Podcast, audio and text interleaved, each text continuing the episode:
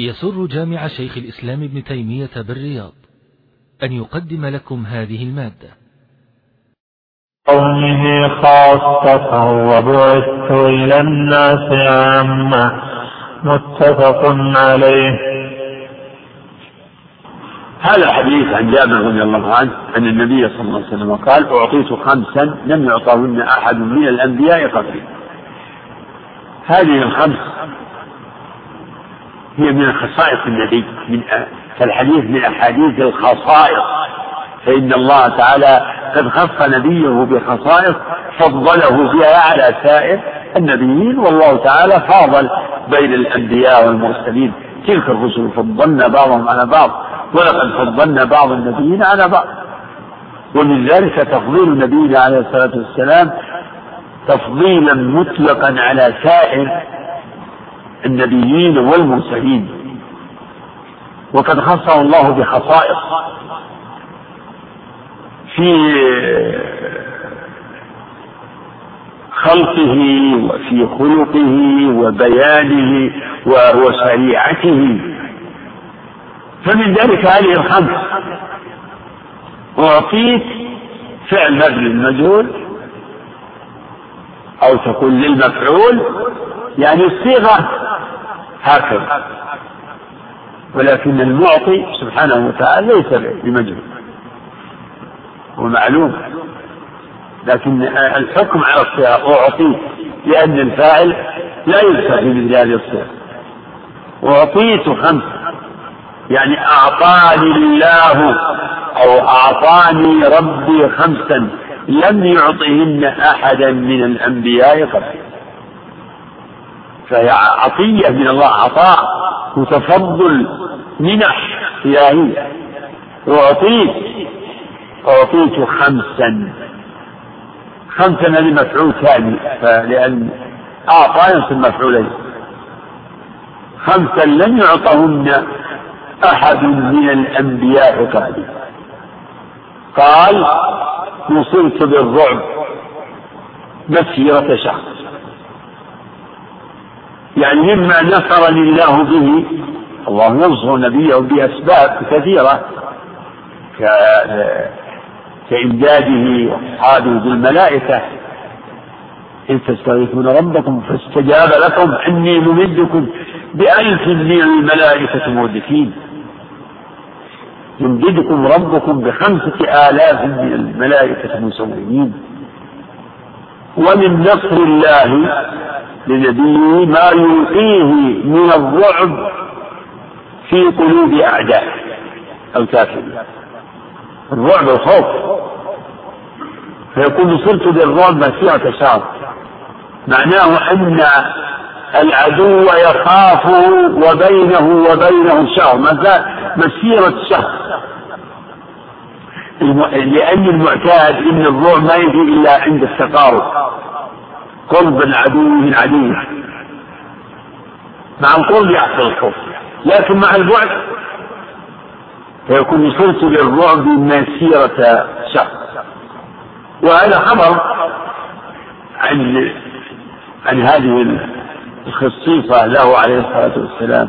وحدثت بشار ولا مفهوم للتقييد بالشر فهذا لا ينفي. لا ينفي أن يخاف العدو من مسافة أبعد. فهي هيبة وخوف يجعله الله في قلوب أعداء الرسول صلى الله عليه وسلم وأعداء المؤمنين وهم الكافرون. كفار المشركون يهود النصارى نصرت بالرعب. مسيرة شهر وهذه الفضيلة له ولأمته بحسب اتباعهم له عليه الصلاة والسلام. فكلما كانوا أتبع له كان خوف العدو منهم بحسب ذلك. ولهذا لما فرطت الدول الإسلامية بالإسلام وأضاعوا دين الله استذلهم العدو وسلط عليهم العدو وصاروا يخافون ولا يخافون. يخافون ويرهبون من دول الكفر ولا يخاف ولا يخافهم دول الكفر. لأن نعم الكفار يخافون الآن من الإسلام. يخافون أن يظهر ويقوى الإسلام ويكثر أهله وتقوم له دولة مجاهدة. فهم يخافون من الإسلام. ولهذا هم يحاربون الإسلام بشتى أنواع الحرب. وأعتاها وأخبثها وشرها الحرب المعنوية وهو ما قد يسمى بالغزو الفكري. وقد تهيأ لهم ذلك بما قدره الله من وسائل الحضارة. ومن وسائل الإعلام المختلفة الباهرة التي استعملوها في الكيد للإسلام يعني بأنفسهم وبكثير من المنتسبين للإسلام من المنافقين والفاسقين. فهذه الصفة أقول إنها لا تختص بالنبي صلى الله عليه وسلم يعني بشخصه بل هي ثابتة له في حياته ولأصحابه معه ولأتباعه على دينه بعد وفاته إلى يوم القيامة. كما جاء في الحديث لا الصحيح لا تزال طائفة من أمتي على الحق ظاهرين لا يضرهم من خذلهم ولا من خالفهم حتى يأتي أمر الله تبارك وتعالى. الخصلة الثانية؟ قوله عليه الصلاة والسلام وجعلت لي الأرض مسجدا وطهورا. فما فأيما رجل من أمتي أدركته الصلاة فليصلي. في أي مكان. وهذه الخصيصة واضحة أن حكم شرعي للأمة. له ولأمتي جعلت لي أي جعل الله لي الأرض. ذكر اللفظ كلها أنا لا المشهور في الرواية وجعلت لي الأرض مسجدا وطهورا. وعلى كل حال كلها تحكيم ولفظ الأرض يعم عام لجميع البقاع بقاع وجعلت لي الأرض مسجدا وطهورا. مسجد أي مصلى ولهذا قال فأيما رجل أدركته الصلاة فليصلي في أي موضع. وطهورا أيضا. طهور كما تقدم هو ما يتطهر به وذلك هو التيمم الذي ذكره الله في قوله فلم تجدوا ماء فتيمموا صعيدا طيبا. الصعيد قيل هو كل ما تصاعد على وجه الأرض. من تراب وطين ورمل وحجر. وقيل هو تراب الحرث وهو الذي له غبار. ولهذا اختلف أهل العلم فيما يجزئ التيمم به من الأرض. فقال كثير من أهل العلم يجب أن يجب التيمم بتراب له غبار. قال بعضهم بل يجزي التيمم على أي موضع من الأرض. مما له غبار وما ليس له غبار. ولو على حجر صلب وهذا ظاهر إطلاق الحديث. لكن جاء في رواية وجعلت تربتها لنا طهورا. في لفظ وجعلت التراب لي طهورا. والصعيد كما قلت يعني جاء عن ابن عباس انه قال الصعيد الطيب هو تراب الحرب. طهور يعني مطهر فمن لم يجد الماء أو تعذر عليه استعماله فيكفيه عن ذلك أن يتيمم. كما أمر الله فامسحوا بوجوهكم وأيديكم منه. وقال عليه الصلاة والسلام لعمار إنما يكفيك أن تقول بيديك هكذا فضرب بيديه الأرض ونفخ فيهما ثم مسح بهما وجهه وكفيه. وقال للرجل الذي رآه معتزلا لم يصلي معهم ما منعك أن تصلي معنا؟ قال أصابتني جنابة ولا ماء. فقال عليك بالصعيد فإنه يكفي ولا ريب أنه إذا تيسر التراب الذي له غبار فهو المتعين. لكن لا, يطلب يعني نقله مع المسافر لأنه لم يكن النبي عليه الصلاة والسلام يأمر أصحابه بذلك. لكن التراب في الجملة على وجه الأرض ليسوا. وجعلت لي الأرض مسجدا وطهورا. مسجدا وطهورا مثل من قبله. هي مفعول ثاني لجعل لأن جعل ينصب مفعولين. جعل الله الأرض لنا مسجدا وطهورا. قال عليه الصلاة والسلام فأيما رجل أدركته الصلاة يعني حضرت الصلاة يعني دخل عليه وقتها ولم يجد ماء لا بد من هذا. فليصلي لأنه حينئذ لا مانع. المسجد موجود البقعة موجودة والطهور موجود. وجعلت لي الأرض مسجدا وطهورا. ولأهل العلم كلام. كثير في التيمم وحكم التيمم. ومن المهم هنا إن الصواب إن التيمم يكون مقام الماء عند عدمه أو تعدد استعماله فالطهارة بالتيمم كالطهارة بالماء إلى أن يوجد الماء. ولا يتقيد بوقت. يعني لا يشترط فيه دخول الوقت ولا ولا يبطل بخروج الوقت. ومن تيمم لأي عبادة أجزاءه أن يفعل به ما شاء من فروض ونوافل هذا هو الصحيح. ومن أهل العلم أن يجعل الطهارة التيمم مقيدة ومضيقة. فمن تيمم لعبادة لم يصلي به ما فوقها. فمن تيمم لنافلة فلا يصلي به فرضا. من تيمم لتلاوة القرآن لم يصلي به. وهذه ليس عليها دليل. إنما هي يعني تعليلات لا يعارض بها لا تعارض بها هذه النصوص الصريعة الواضحة. فلم تجدوا ماء فتيمموا صعيدا طيبا فامسحوا وقال عليه الصلاة والسلام عليك بالصعيد فإنه يكفيك. وقال الصعيد وضوء المسلم. وضوء جعله بمنزلة الوضوء وهو كذلك.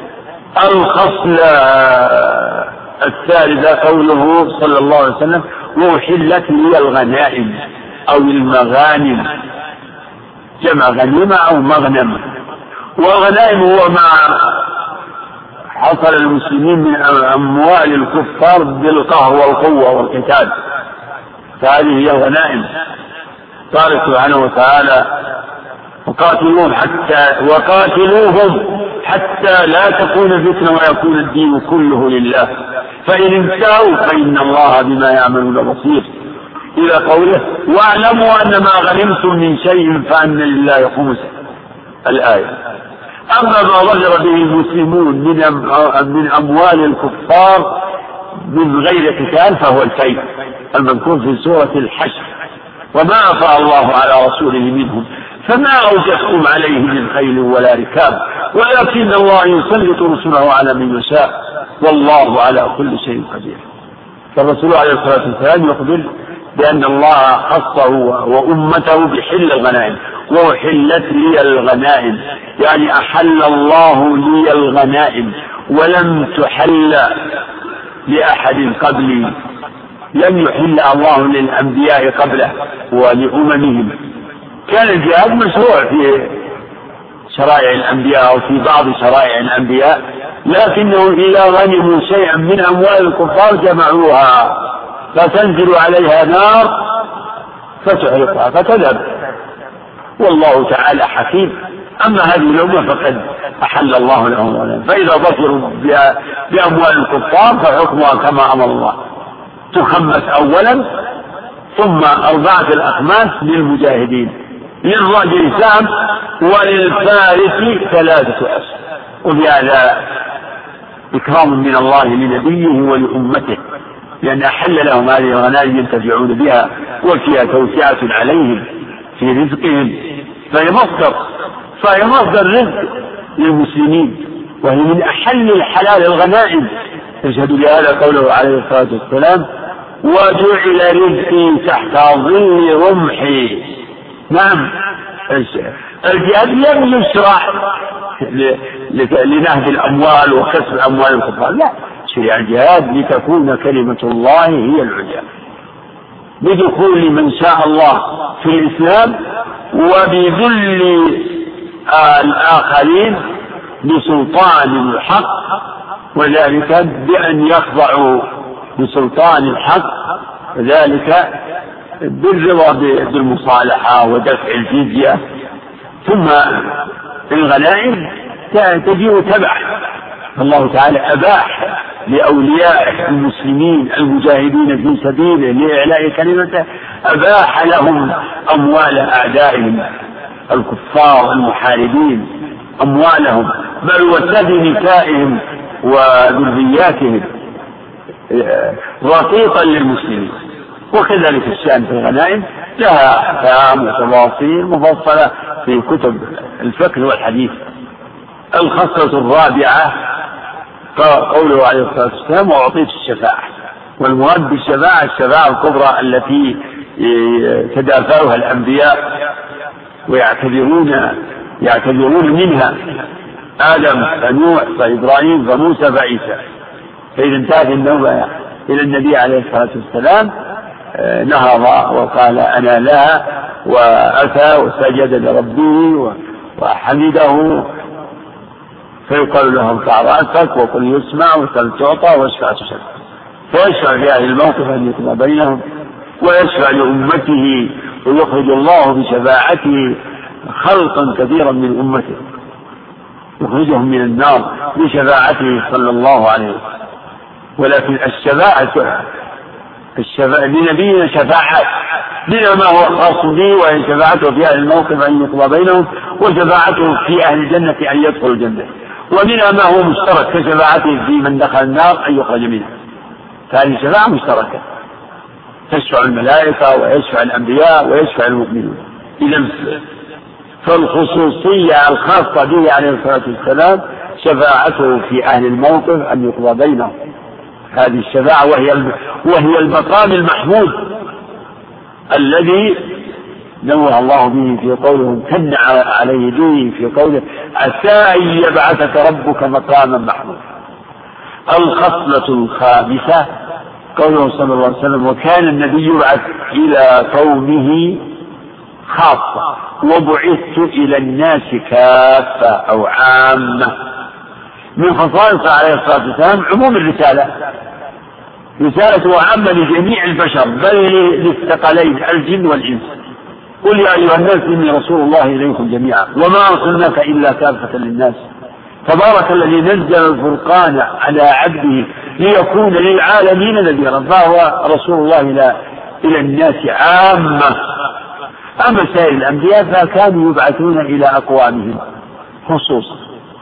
اقرأوا القرآن تجد ولقد أرسلنا نوحا إلى قومه وإلى عاد أخاهم وإلى ثمود أخاهم صالح ولوطا إذ قال لقومه وإلى مدين أخاهم شعيبا كلهم إلى إلى أقوامهم يمكن يقال إن أنه ربما أرسل الرسول إلى غير قومه لكن ليس إلى جميع الناس. فموسى وهارون أرسلهما الله أول إرسال إلى فرعون. وإذ نادى ربك موسى أن ائت القوم الظالمين قوم فرعون ألا يتقون وفي آيات كثيرة فيها التصريح بإرسال موسى وهارون إلى فرعون وقومه. ثم أرسلنا موسى وأخاه هارون بسلطان مبين إلى فرعون وملئه. وأرسله الله كذلك إلى بني إسرائيل. فهو فهما رسولان أعني موسى وهارون إلى فرعون وقومه ثم إلى بني إسرائيل. وكان من دعوتهما إرسال بني إسرائيل وترك بني إسرائيل ترك استعبادهم لأن بني إسرائيل كانوا مستعبدين لفرعون وقومه. فلما أهلك الله فرعون وقومه في البحر فأوحينا إلى موسى أن اضرب بعصاك البحر فانفلق فكان كل فرق كالطود العظيم. وأزلفنا ثم الآخرين وأنجينا موسى ومن معه أجمعين ثم أغرقنا الآخرين. فلما نجى الله موسى وقومه نجى الله موسى وقومه وأهلك فرعون وقومه كانت رسالة موسى إلى بني ولقد أرسلنا موسى بآياتنا أن أخرج قومك من الظلمات إلى النور وذكرهم بأيام الله. إن في ذلك لآيات لكل صبار شكور. وإذ قال موسى لقومه اذكروا نعمة الله عليكم. إذ أنجاكم من آل فرعون يسومونكم سوء العذاب ويذبحون أبناءكم ويستحيون نساءكم. وفي ذلك بلاغ من ربكم عظيم. وإذ تأذن ربكم لئن شكرتم لأزيدنكم ولئن كفرتم إن عذابي لشديد. إذا قوله عليه الصلاة والسلام وكان النبي يبعث إلى قومه خاصة. يعني هذا في الأغلب في أغلب الأحوال ويخص منه موسى وهارون حيث أنهما أرسلا إلى فرعون وقومه. ففرعون وقومه ليسوا من قوم موسى. قوم موسى هم بني إسرائيل. ولهذا في, مواضع من القرآن وإذ قال موسى لقومه وإذ قال موسى لقومه في سورة البقرة وفي سورة المائدة وفي سورة إبراهيم وفي سورة الصف. فرسالته عليه الصلاة والسلام عامة وباقية. أيضا من نبينا خصائص كثيرة أخرى منها أنه خاتم النبيين وجاء عليه الصلاة والسلام ذكر هذا وأنه من خصوصيته وأنه مما فضل به على الأنبياء أن أنه ختم به النبيون ما كان محمد أبا أحد من رجالكم ولكن رسول الله وخاتم النبيين. فهذه أيضا خصوصية تتعلق بنبوته فهو خاتم النبيين فهو رسول رسول الله إلى جميع العالمين وهو خاتم النبي فشهادة أن محمدا رسول الله لا بد أن تتضمن ذلك. شهادة أن محمدا رسول الله لا بد أن تتضمن أنه رسول الله إلى جميع الناس وأنه لا نبي بعده.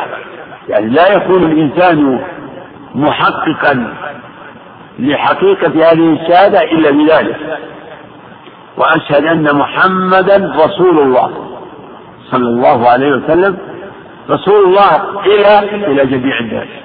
منذ بعثه الله إلى يوم القيامة. هو رسول الله. منذ بعثه الله رسول الله إلى الناس كافة. منذ بعثه الله إلى يوم القيامة. فاليهود والنصارى من أمته من أمة الدعوة.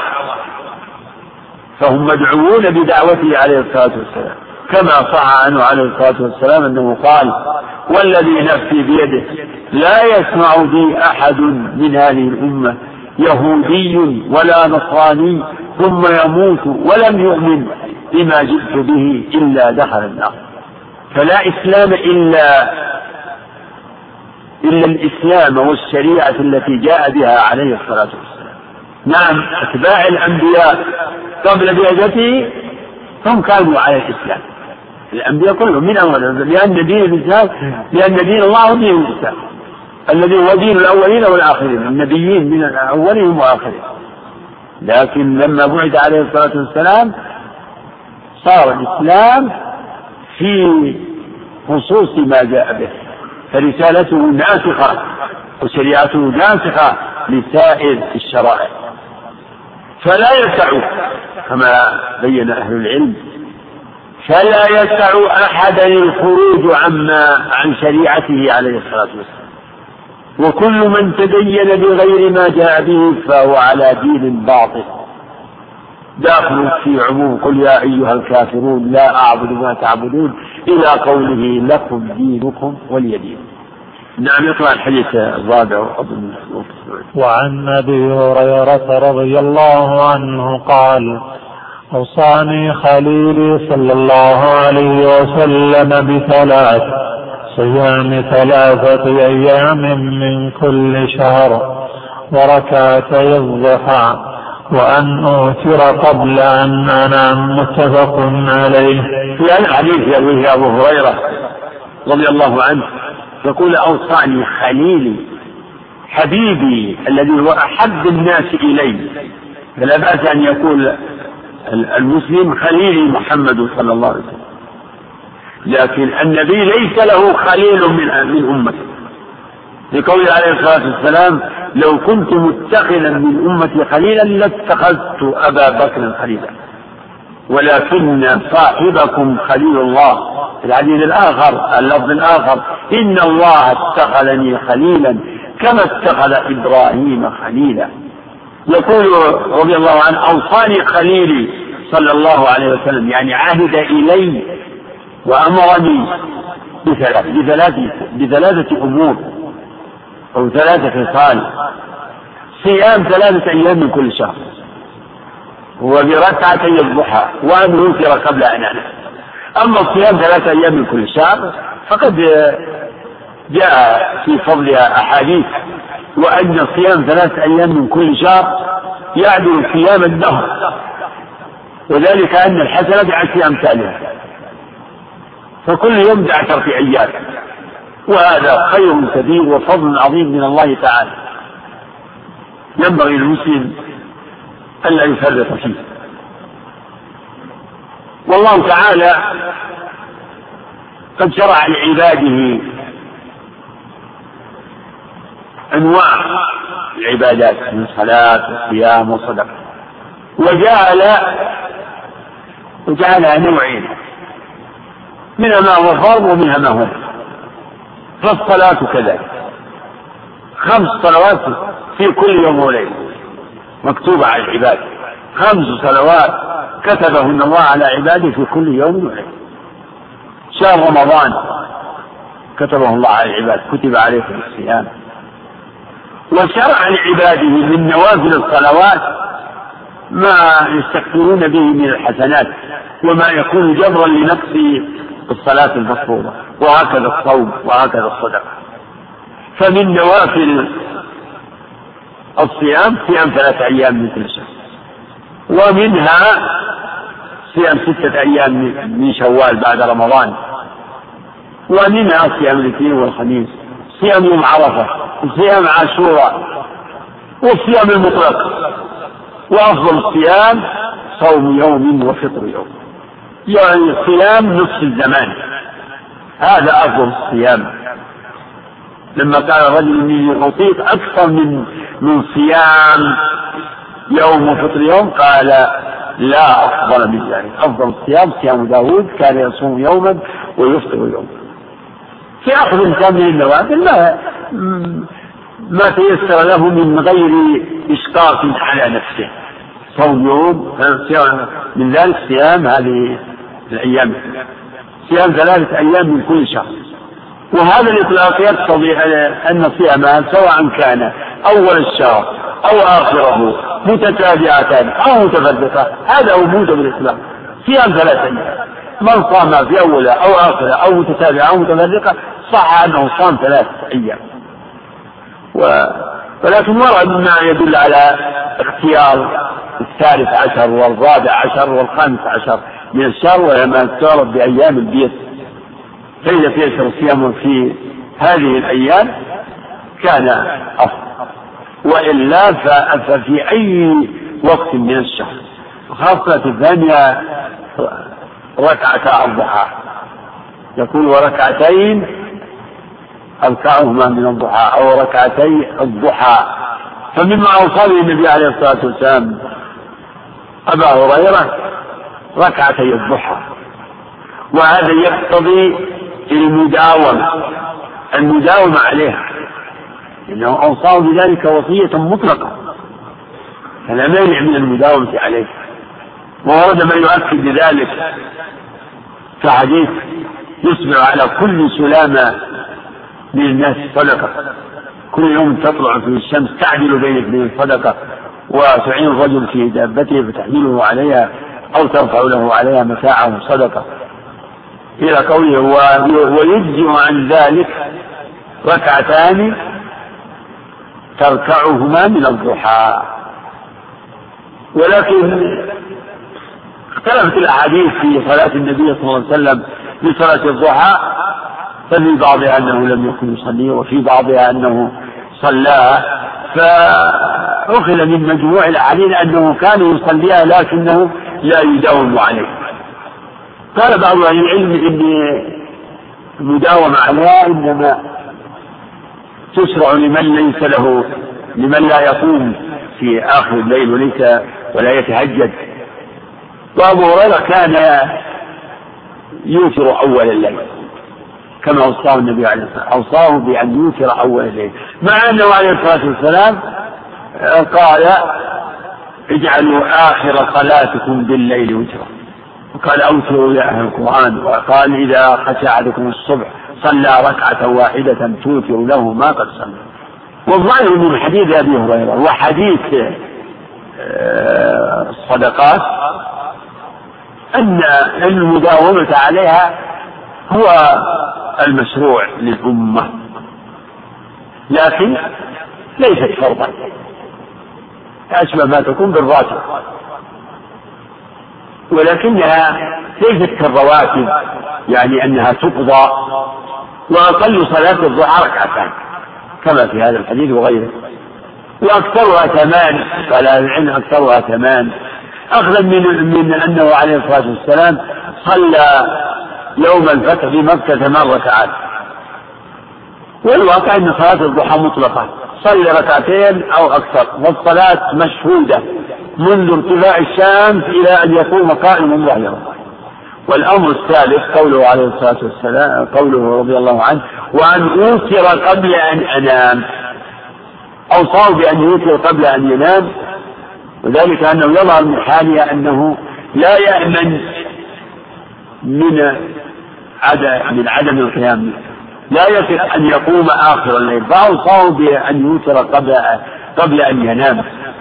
ولهذا فصل أهل العلم. عملا بمجموع الأحاديث. فقالوا من وثق بأنه يقوم آخر الليل فلا يوتر إلا آخر ليختم بوتره صلاته ليختم صلاته بالوتر كما قال عليه الصلاة والسلام اجعلوا آخر صلاتكم بالليل وترا. ومن لم يثق أن يقوم فليوتر قبل أن ينام حتى لا يضيع عليه الوتر فإن أعانه الله واستيقظ وقام من آخر الليل صلى ما تيسر ولو كان قد أوتر ولا يوتر مرة أخرى لحديث لا وتران في ليلة. فاشتمل هذا الحديث على هذه الخصال آه، بالنوافل الأعمال وأما الوتر فهو سنة مؤكدة ولها فضل فهي آكد النوافل الوتر ما ورد من من الأمر به والترغيب فيه كقوله عليه الصلاة والسلام ان الله امدكم بصلاه هي خير لكم من حمر النعم. الوتر ما بين صلاة العشاء إلى طلوع الفجر هذا وقت. من بعد صلاة العشاء إلى طلوع الفجر هذا وقت. كله وقت للوتر. وتقول عائشة رضي الله عنها من كل الليل أوتر النبي عليه الصلاة والسلام من أوله؟ ومن وسطه ومن آخره. ففي أي وقت من الليل أوتر صح وأجزأ وفعل المشروع. ثم هنا أصل من أصول الشريعة وهي أن وصية النبي وأمر النبي لواحد من الأمة هو وصية لكل الأمة. هذا أصل. فهذه الوصايا ليست مختصة بأبي هريرة. هي وصايا للأمة كلها. ولهذا بلغها رضي الله عنه. فلا يختص أحد بشيء من الأحكام إلا بالدليل والرسول صلى الله عليه وسلم الأصل عنده أسوة أمته إلا ما خصه الدليل. فهذا أصل من أصول الأحكام. أن حكم النبي على واحد كحكمه على الكل. وصية وأمر واحد هو وصية وأمر للجميع. آه، فضيلة الشيخ يسأل عن المسافة. آه، يسأل عن المسافة التي تقصر فيها الصلاة وتجمع فيها. المسافة التي تقصر فيها الصلاة فيها خلاف كثير من مسائل الخلاف الواسع، لكن آه، قول الجمهور أن المسافة 80 كيلو. أو يعني أربعة برد كما جاء عن ابن عباس وغيره أربعة برد والبريد أربعة فراسخ والفرسخ ثلاثة أميال والميل كيلوين تقريبا أو إلا ثلث. ولهذا آه، حسبها العلماء المعاصرون فوجدوها تقرب من ثمانين كيلو. فمن من يخرج يقصد بلدا هل تحدده البلد؟ لا بدون. البلد الغاية المقصودة آه، تعدل 80 ولا 100 ولا 200 ولا 500 لكن من يخرج لنحو نزحة فليس له أن يتعمد أن يسافر. ويتعمد أن يتجاوز 80 من أجل أن يقصر لا. لكن إذا كانت غايته ومطلبه في في خروجه هذا آه، يتجاوز أو هو بعد هذه المسافة فيقصر لكن لا يتعمد أن أن يقطع هذه المسافة ويقول نريد أن نخرج أكثر من 80 حتى نقصر سواء كان قولا أو أو قصدا ونية. هذا هو الجواب والله أعلم. فضيلة الشيخ هذا يسأل يقول ما حكم قراءة القرآن قبل الأذان من المؤذن؟ أو يوضع شريط مسجل ويقوم بعض المؤذنين عندنا ببلدنا ببعض القصائد المدحية قبل الأذان فما حكم ذلك؟ قبل الأذان؟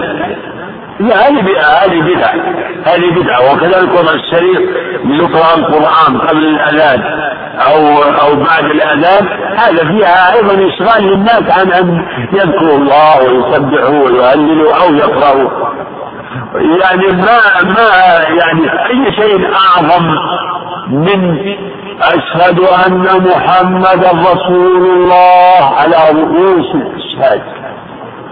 ورفعنا لك ذكرك.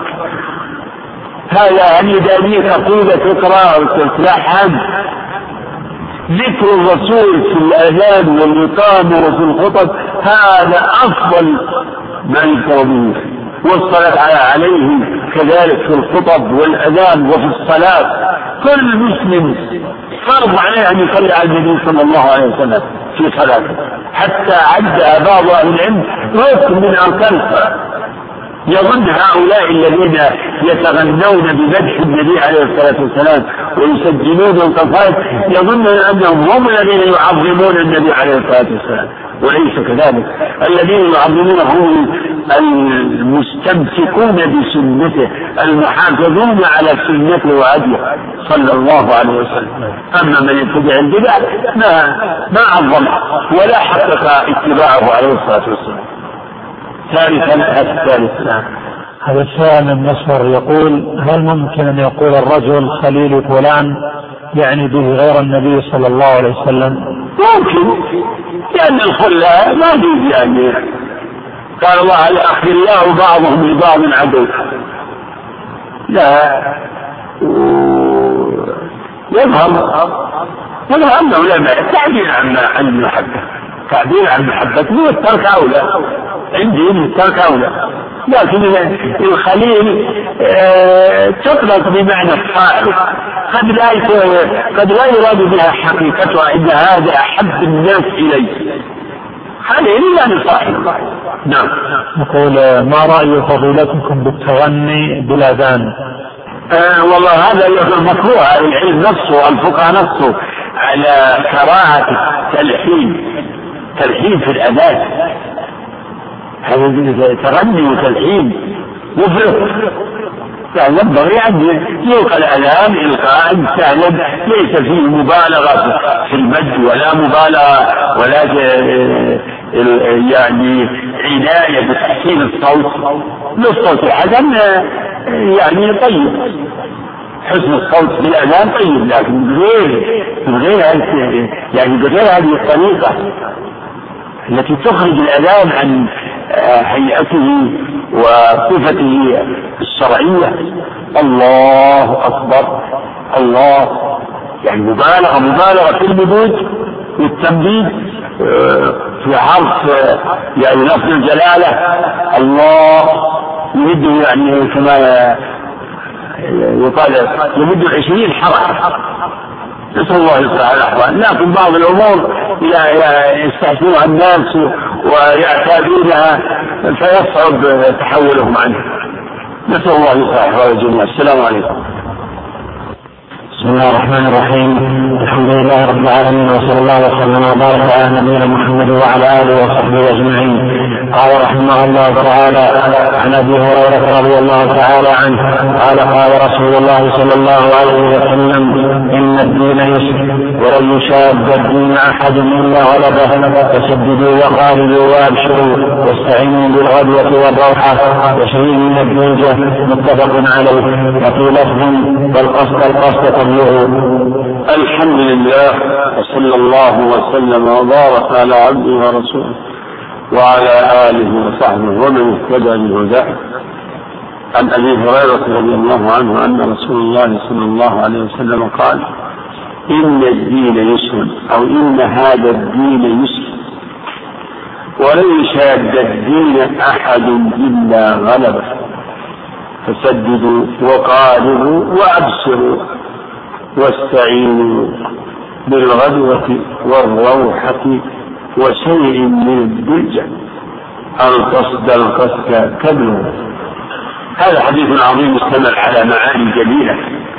مدارها على أمرين. على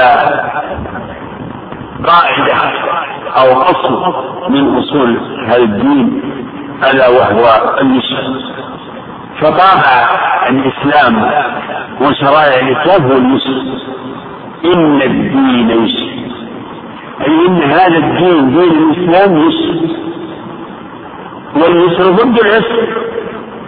والعسر الحرج والمشقة قد دل على هذا آيات من كتاب الله كقوله تعالى في آيات الصيام يريد الله بكم اليسر ولا يريد بكم العسر.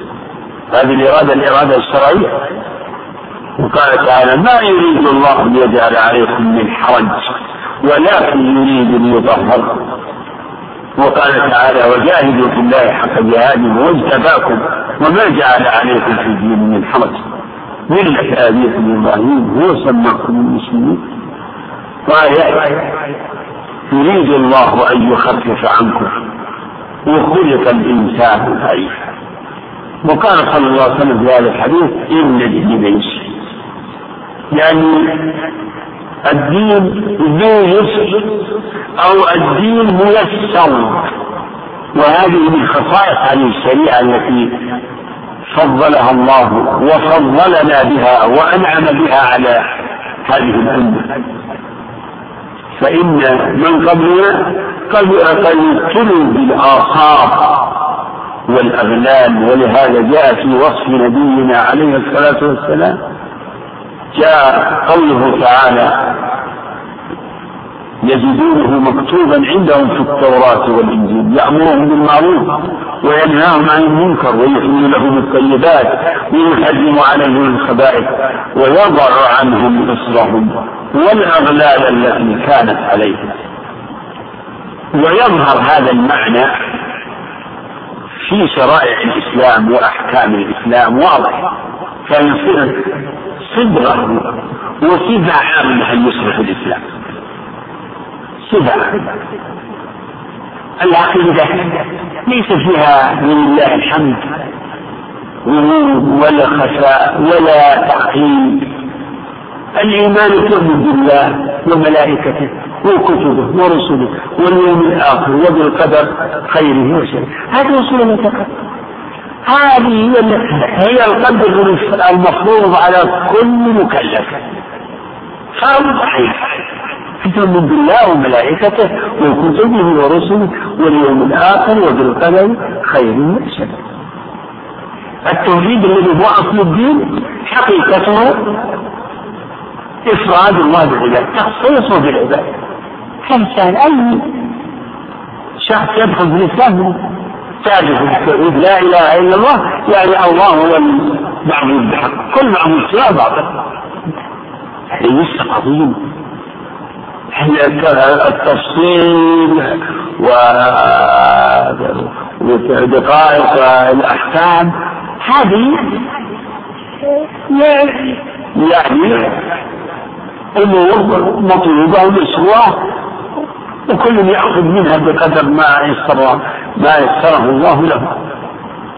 في الصلاة الصلاة الله تعالى فرضها على النبي ليلة المعراج خمسين صلاة. وفي مشهورة من نبي الله وكريمه موسى لم يزل النبي صلى الله عليه وسلم يطلب من ربه التقدير حتى صارت خمسة. ومع ذلك إليه سبحانه هو الذي ألقى في روع موسى أن يشير على محمد صلى الله عليه وسلم. فلم يزل يطلب من ربه التقدير حتى صار خمس صلوات موزعة على أوقات. لها هذا التوزيع على الأوقات لها له معنى. إن يعني في أوقات الانتقالات في ساعات في ساعات الليل والنهار عند طلوع الفجر. هذه هذه نقلة عند الزوال قبل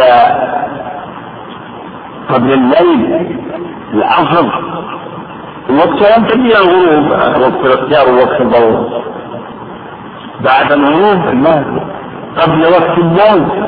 من لطف الله ما جعل صلاة العشاء يعني مفروضة في وسط الليل يحتاج الناس إلى أن يقوموا لها لا قريب فهذا مظهر يسر شرع فيها أمريكا. يسر أحكامه. وتفسير ذلك واسع. لجعل من شروطها الطهارة. طهارة بالله. إذا لم يوجد إكمال التراب. التراب موجود. فتيمموا صعيدا طيبا هذا من رخصة تسير. سل قائما. فإن لم تستطع فقاعدا. فإن لم تستطع فعلى جنب ما في هذا وزيادة على هذا إذا عجز الإنسان عن الطهارة يصلي بحسب حاله يصلي ولو لم يتوضأ ولو لم يتيمم بحسب حاله. وشرع ما يعين عليها كصلاة الجماعة. لأن صلاة الجماعة هو مما يعين على إقامة الصلاة. وهذا وإن كان هو مختص بالرجال لكن لا شك أن لأن حضور المسلم جماعة مما يعينه ويقويه ويشجعه. يعني من عنده حس إيماني لا يهنأ ولا يطيب له أن يتخلف وهو يرى الناس يبادرون إلى بيوت الله ويصلون الذي يرضى بالتخلف ولا يعبأ بصلاة الجماعة. هذا في إيمانه. نقص شديد. يتنافسون يتسابقون على الصلاة والرسول يرغب من من من جوانب الكيفية أيضا الترغيب ما جاء في النصوص من الترغيب. صلاة الجماعة أفضل من صلاة المسجد 27 ضعفا لا يذهب في هذا إلا محروم. نعوذ بالله من الكلمات حتى ولو قيل بأنها سنة فقط. مع أن الصواب أن صلاة الجماعة في المسجد واجبة. فرض. انت الصدقة بقدر الواجب. أولا الزكاة لا تجد في كل شيء. تجد في أموال محددة. مخصوصة ثم إنها تجد في مقادير معينة. ألا وهي النصب. نصاب كذا نصاب كذا نصاب آه، الإبل والبقر والغنم ونصاب الذهب والفضة فلا تجد في أي مقدار من المال.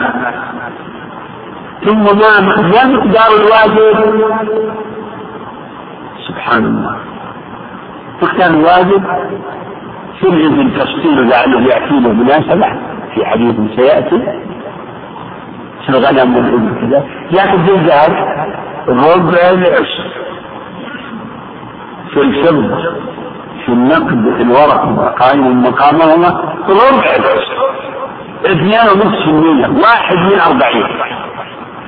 ومما رزقناهم. ولم يقل سبحانه وتعالى وينفقون ما رزقناهم. وما رزقناهم ينفقون. لا مما رزقناهم. لا يكلف الله نفسا إلا وسعها. وضع العشر يسير ثم هذا اليسير مردود على الإنسان. هو قرض قرض مردود بأضعاف. من من ذا الذي يقرض الله قرضا حسنا فيضاعفه له أضعافا كثيرة. أضعاف كثيرة. الصيام. لم يفرض الله على عباده الصيام شهر. في السنة. هذا تيسير ولهذا قال سبحانه وتعالى في آيات الصيام كتب عليكم الصيام إلى قول أيام معدودات. كلمة أيام معدودات تشعر بالقلة. وهي ثلاثين من ثلاثمائة وستين. قبل عشر الزمن أقل من عشر ومن لطف الله أن جعل الصيام يسر يعني في تيسيرات كثيرة الذين يباح لهم الفطر. يباح لهم الفطر. المريض المسافر الحامل المرض الحائض النفساء يجب عليهم الفطر افطار الشيخ كبير والمرأة كبيرة. هذه جوانب تيسير كلها يظهر فيها. لأن هذا كله يكون شرحا لهذا الإجمال هذه الجملة إن الدين يسر يعتبر ذلك. وفي نفس الآيات قال الله يريد الله بكم اليسر ولا يريد بكم اليسر. ويعتبر ذلك في الحج. لم يفرضه الله على العباد إلا مرة واحدة في العمر. الحج مرة فما زاد فهو تطوع. والتطوع ليس فيه حرج. التطوع ليس فيه حرج لأن الإنسان مخير مرة. وهكذا بقية الواجبات. كلها ترجع إلى الاستطاعة. يعني مما يظهر فيه اليسر يسر الإسلام إن جميع التكاليف مربوطة بالاستطاعة. الذي دل عليه قوله تعالى فاتقوا الله ما استطعتم. لا يكلف الله نفسا إلا وسعها. وقال صلى الله عليه وسلم ما أمرتكم بها. إذا أمرتكم بأمر فأتوا منه ما وما نهيتكم عنه فاجتنبوه أو فدعوه. إن الدين يسر. كلمه جامعه عامة. ولكن قد يأتي الحرج من تصرف الإنسان. يأتي هو هو الذي يتسبب مثلا النذر حرام أو مكروه في الشرع. وكثيرا من من الأحيان يحرج الإنسان نفسه بالنذر لأنه يحمل نفسه ويوجب على نفسه ما لم يوجبه الله في الأصل لأصل الشرع. لكن إذا نذر الإنسان طاعة لزمته هو الذي سبب. يعني بعض الناس مسكين يندفع إما بسبب رغبة أو بسبب حاجة والنذر لا يأتي بخير. فيوجب على نفسه الصيام كذا. صيام دائم. يوجب على نفسه الصيام الاثنين والخميس. هذه طاعة. فيجد حرج. فيها ظروف. يعني يعني يعني يجب في هذا وفي الدوام على هذا يعني مشقة. صيام الاثنين والخميس مشروع. نافلة إن شاء صام وإن شاء لكن إذا نذر لازمة يجب عليه. قال صلى الله عليه وسلم ولن يشاد الدين أحد إلا غلبه. يعني من تكلف باسم العبادة وباسم الدين. وشق على نفسه. فإنه لا بد أن أن أن يضعف ويعجز من يحمل نفسه صيام الدهر أو قيام الليل مثل ما هم بعض الصحابة أن يفعلوا ذلك لما سألوا عن حال النبي صلى الله عليه وسلم. في عمله في بيته سألوا عن عمله في بيته فكان تقال عمل. فقالوا أين نحن من رسول الله صلى الله عليه وسلم؟ فقال بعضهم يعني أصوم ولا أفطر آخر يقول أنا أقوم ولا أنام والآخر يقول أنا لا أتزوج النساء. فالرسول عليه الصلاة والسلام أنكر عليهم وخطب وقال ما بال أقوام؟ يقول كذا وكذا.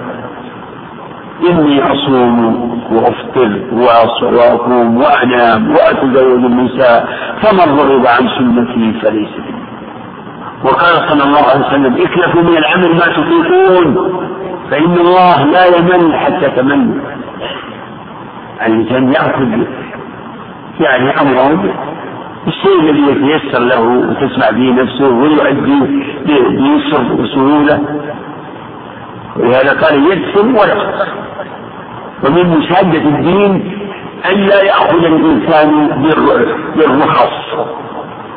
كل عزيمة عزيمة ويأبى الرخصة وفي الحديث الصحيح إن الله يحب أن تؤتى رخصه كما يكره أن تؤتى معصيته وفي أمر كما يحب أن تؤتى عباده. بعض المرضى ما يحب يجب عليه المرض والسياق بعض المسافرين لا مع ما يحصل لهم من مشقة كل هذا من مشادة الدين. فإذا كان يعني سلك الإنسان هذا المسلك فقد يعني خالف ما يحبه الله. يعني بحجة أو بشبهة يعني زيادة التقرب. ولعل قوله صلى الله عليه وسلم إن الله لا يمل فإن الله لا يمل حتى تملوا. هل يستمع عن الناس كثيرا بين حين وآخر؟ من أهل العلم من يقول إنه لا يدل على إثبات الملل لأن هذا الترتيب وهذا الأسلوب لا يدل على ثبوت الوصف. يشبهونه بقول القائل إن فلان لا لا تنقطع حجته حتى ينقطع قصره. وقد يقال إنه يدل على إثبات الملل على ما يليق سبحانه وتعالى وهو يتضمن الكراهة. فهو يحب عباده أن يعبدوه وأن يعملوا الصالحات. ما لم يشقوا على أنفسهم ويكلفوا أنفسهم ما لا يطيقون فحينئذ الله لا يحل منهم ذلك.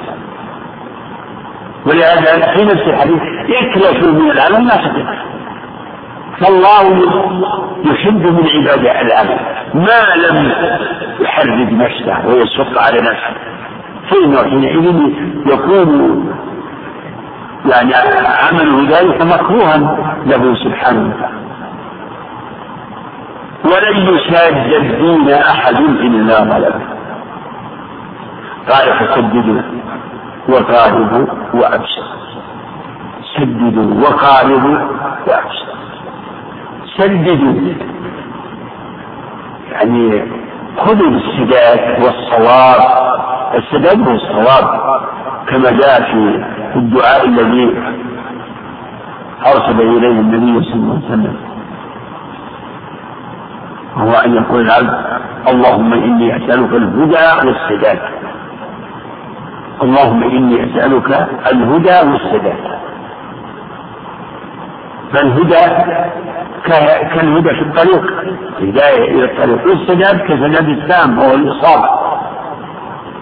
سددوا وقاربوا إذا لم إذا لم يتهيأ الإنسان مثلا من إصابة الصواب فليقارب ولعل هذا يرجع إلى قوله سبحانه فاتقوا الله ما سددوا وقاربوا يجتهد الإنسان في معرفة الحق والقيام به وما لم يتيسر له أن يجتهد ولو ولو ولو أن يقارب؟ كما على حد المقولة. ما لا يترك كله ما لم يدرس كله. لا يطرح كله. بل يفعل الأمر من الخير ما تيسر له وأبشر الله بشارة لعموم المؤمنين. المجتهدين أبشر. الله سبحانه وتعالى غفور رحيم كريم آه، يضاعف لعباده الحسنات. إن الله لا يظلم مثقال ذرة وإن تك حسنة يضاعفها. فضل الله عظيم.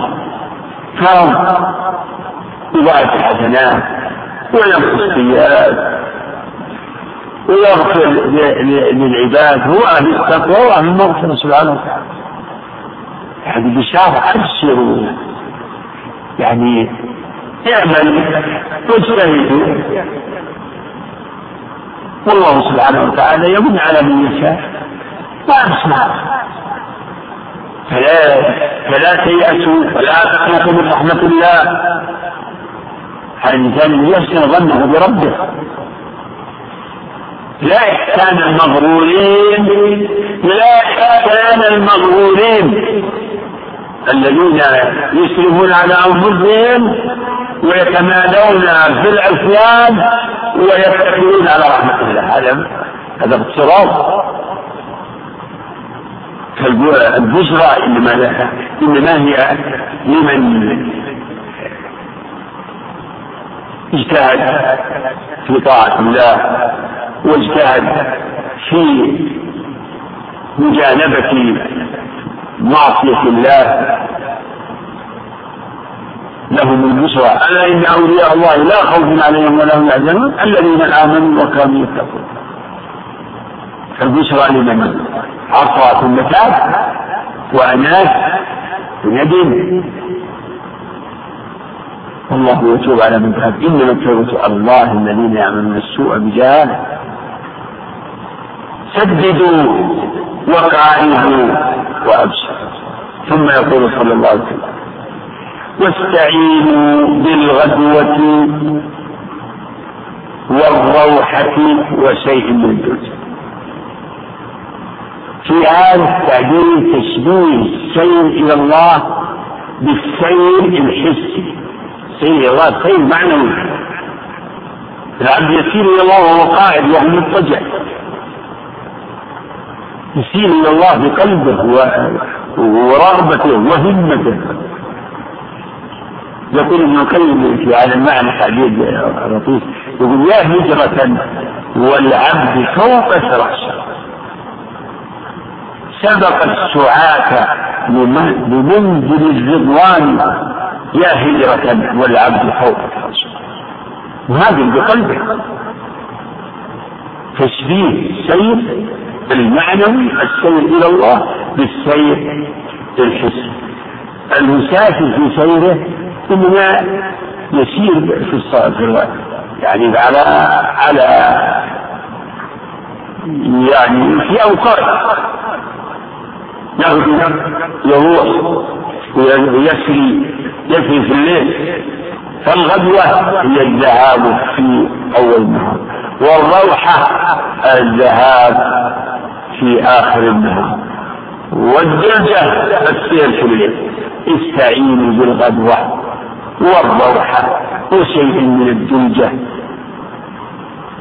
فالإنسان يغتنم الأوقات المناسبة لا من يهمش يستعين بالغدوة والروحة الغدوة والروحة تندرج فيها ما شرع الله لعباده من الفرائض والنوافل في الصباح فيه في غدوة. لا إله غدوة صلاة الفجر.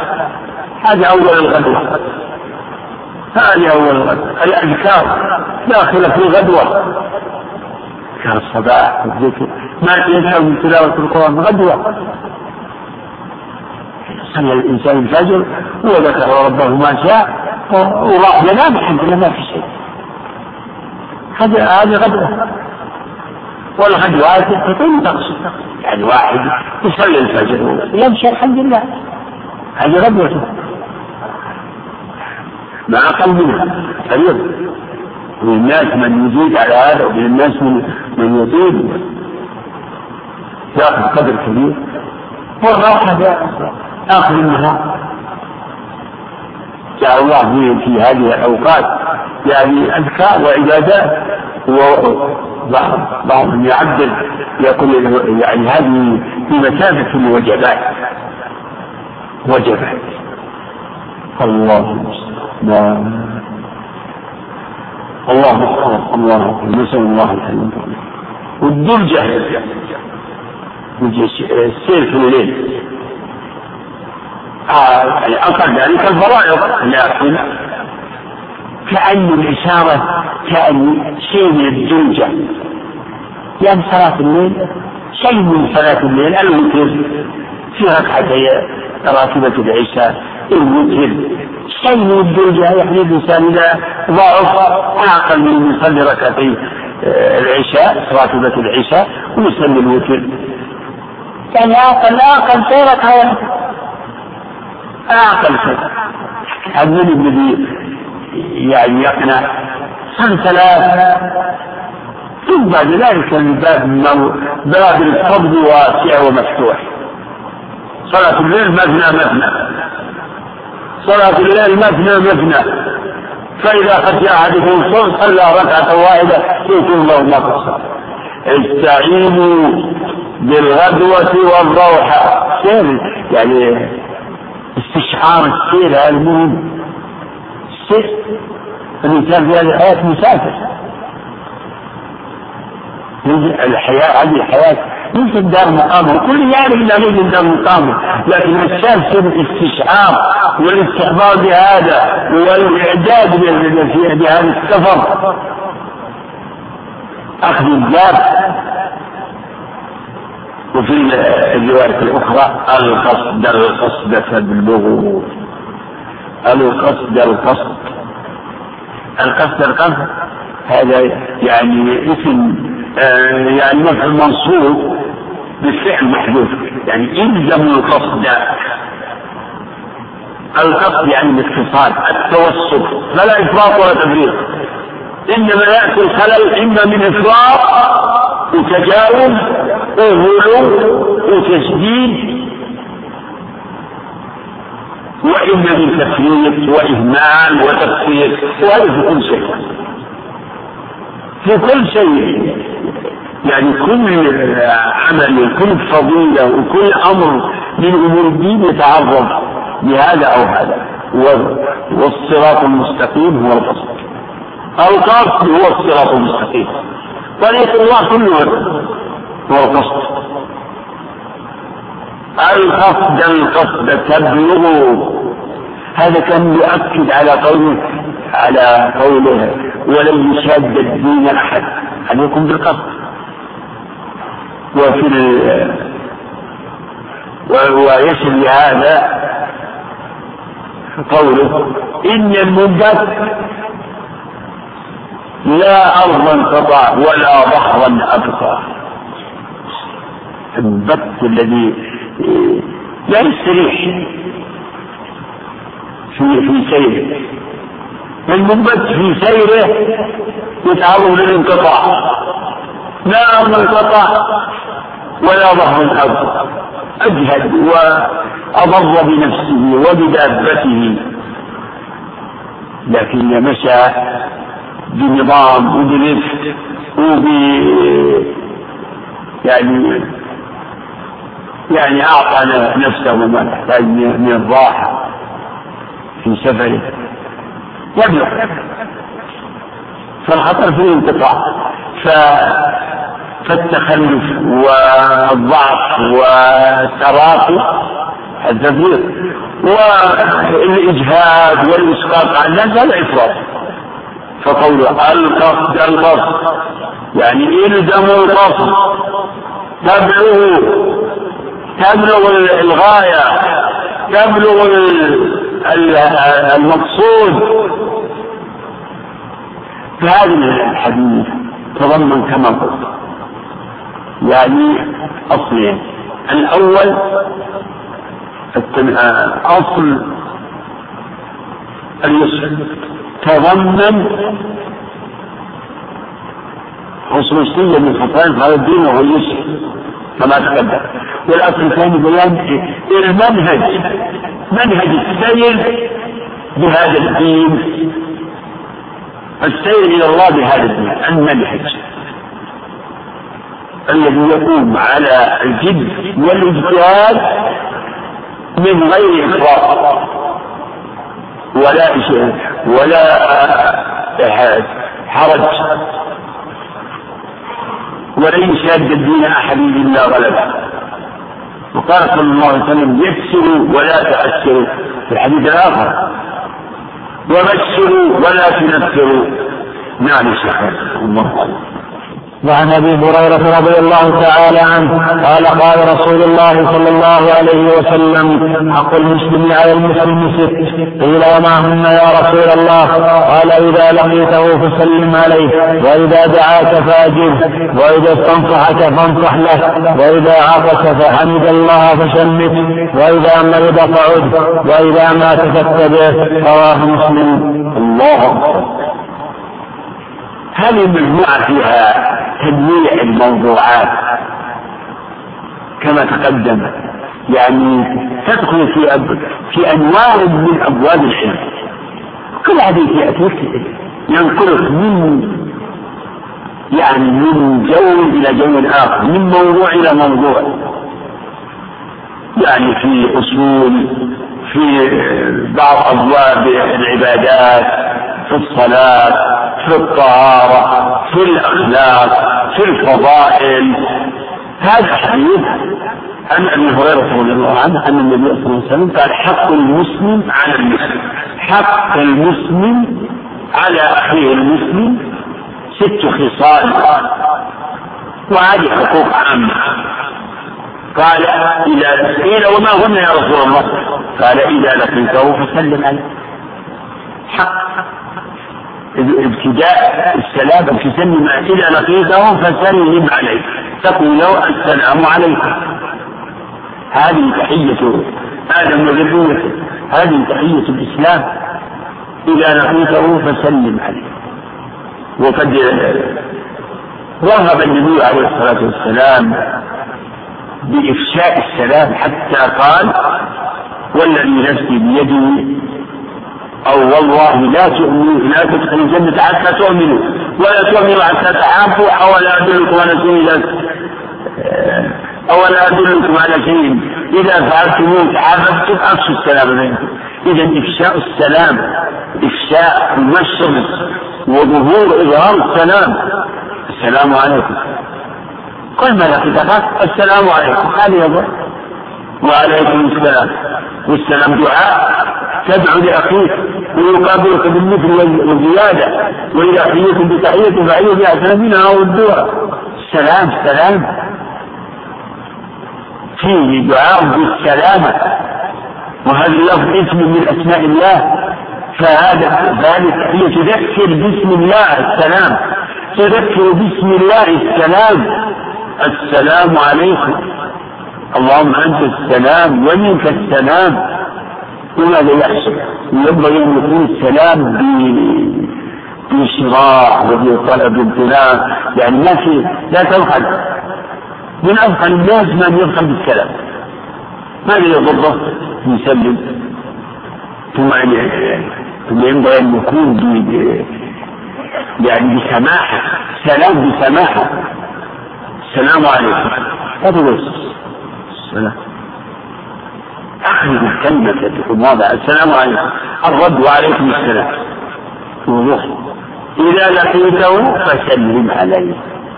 والمعروف عند أهل العلم إجمالا إن ابتداء السلام سنة لكن سنة مؤكدة. أما الرد فواجب. وإذا حييتم بتحية فحيوا بأحسن منها أو ردوها الأقل من الرد بالمثل. إذا لقيته فسلم عليه الترتيب بعدها وإذا دعاك فاجر إذا دعاك إلى منزله ليكرمك بما تيسر من طعام وشراب فأجبه. والمعروف عند أهل العلم هذه حكمها العام والاستحباب. وابتداء ابتداء السلام كما قلنا المعروف مستحب سنة مؤكدة. وقد تجد قد يجب السلام كما جاء في شأن المتهاجرين. يجب عليهما أن يترك التهاجر. يكون ذلك بأن يسلم أحدهما على الآخر. وإذا دعاك فأجبه دعوة تختلف. من أكدها دعوة العرس؟ دعوة المخصصة ليست دعوة الجفلة دعوة المخصصة يدعوك. لكن يأخذ الإنسان في علم إذا سمح الداعي إذا اعتذرت إليه واستسمحت وسمحت خرجت من من عهدة الدعوة. لكن ينبغي إذا كنت تعرف إن هذا ممن يحبه الداعي ويرغب فيه ويقوي الصلة الأخوية في الله و وتتأكد هذه إذا كانت مع يعني من قريب دعوة من قريب فللقرابة حق أو جار؟ جار يكون له حق آخر زيادة. لكن هذا كله إذا كانت الدعوة يعني دعوة صادرة عن رغبة ورغبة في اللقاء رغبة في الضيافة. أما دعوة المجاملات فهذه الاعتذار منها هو الجاري الاعتذار. شكر الله لفضيلة الشيخ على ما قدم. وجعله في موازين حسناته. والسلام عليكم ورحمة الله وبركاته.